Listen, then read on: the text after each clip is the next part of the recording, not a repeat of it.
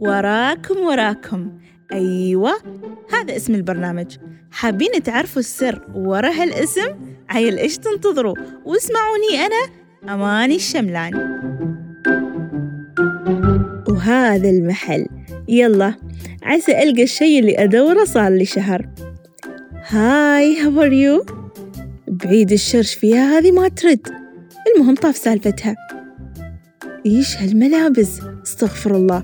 محل وماركة عالمية. آخر شي خلاقين؟ الله لا يبلانا. تقريبا هذا اللي أدوره. خليني أشوف السعر أول قبل لا أتفشل. حلو مناسب. بعد خليني أدور اللبس الثاني. لكن شكلي بروح المحل الثاني أحسن. أهلا أهلا. السلام عليكم. وعليكم السلام أختي بغيت أسألك ممكن ألقى هاللبس معاكم؟ أكيد ممكن. شوفي آخر الركن على اليسار في لبسة مشابهة لها. طيب شكرا. واو هالشي اللي في بالي أخيرا. والله شكلي ما بطلع من هالمحل إلا وأنا مصفرت لنا تصفير القطعة اللي مسكتيها مرة عجيبة وفي منها خمسة ألوان إذا حابة تشوفي. بسم الله الرحمن الرحيم. لا أختي شكرا بس كنت أشوف. هذه من وين طلعت لي؟ كأن هالجوتي مناسق لللبس. يبالي أجربه. وهذا الجوتي وايد ياخذوا من عندنا. خذيه راح يطلع مرة حلو على اللبسة. لا خلاص ما أريده بس كنت أبى أشوفه. ويه أطلع من هالمحل وأريح راسي وهذا أفضل حل. مثل ما لاحظتوا قدرت أشتري؟ طبعا لا. غالبية المحلات كذي. قبل لا تدخل المحل تتشهد وتستغفر لأنك راح تدخل معركة. ممكن تحصل موظف مكشر في شكلك ولا يعبرك وعادي جدا يطنشك أو تحصل موظف لازق في بلعومك حتى ما تقدر تتنفس أو تختار على راحتك. عيل إذا كذا خلينا نعرف أنواعهم ومواقفهم. راح نبدأ بموظف محلات الكشكات اللي في المولات. أول نوع اللي هو في كشك العطور والبخور. هذا عاد يقنصك من مسافة كيلو. يفكر كيف يرمي السنارة عليك. يعطيك كلمات حلوة على شوية بهارات عشان يكسبك وتاخذ من عنده وانت مغمض. أول شي راح يرشك بكل العطور اللي عنده. بعدها يعطيك عروض تاخذ ثلاث عطور واثنين مجانا. واو! أنتوا كذا بتروحوا يعني؟ وإذا قلت له ما أريد يبدأ يسألك أنت من وين؟ وأنا شايف إنك مكان أنت تشبه مغني أو ممثل. وللأسف بعض الناس تصدق وهذا نوع من أنواع التسويق اللي هم حاطين في بالهم إنها ناجحة. أوكي. موظف كشكات العسل أو الأقمشة أو النظارات أو أي شيء غير العطور. هذا يصرخ لك من بعيد إنه عنده تخفيض. بس ما مزعج كثر صاحب كشك العطور. لأنه ما بيده شيء غير إنه يقول لك تعال وإذا رفضت يسكت عنك. يعني كأنهم راضين بالأمر الواقع.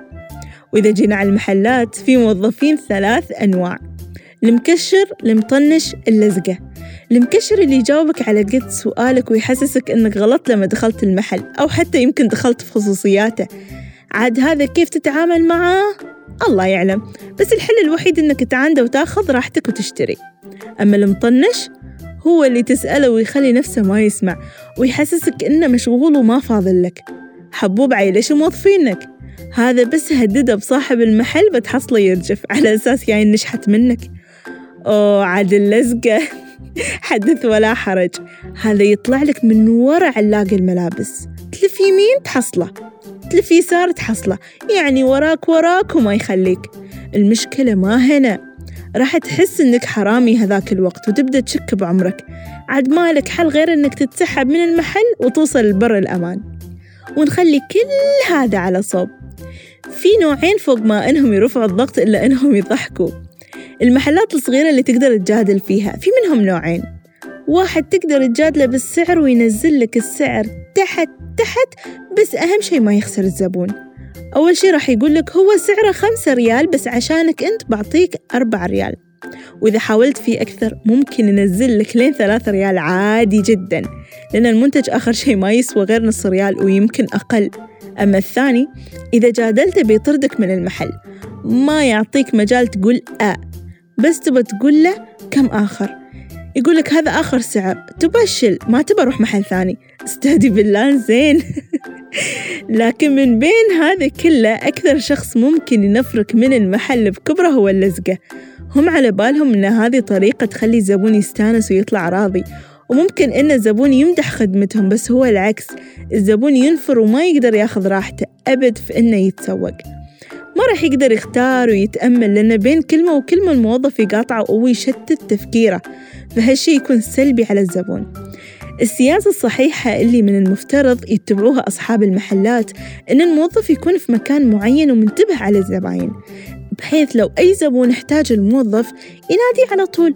وشرط مهم إن الموظف يكون مبتسم وتعامله طيب مع الزباين لأن كذا راح يكسبهم أكثر من إنه ينفرهم. وما يفكروا يدخلوا المحل مرة لهالسبب. وعلى فكرة لا تطوفوا الحلقة القادمة ترى فيها أسرار. وراكم وراكم.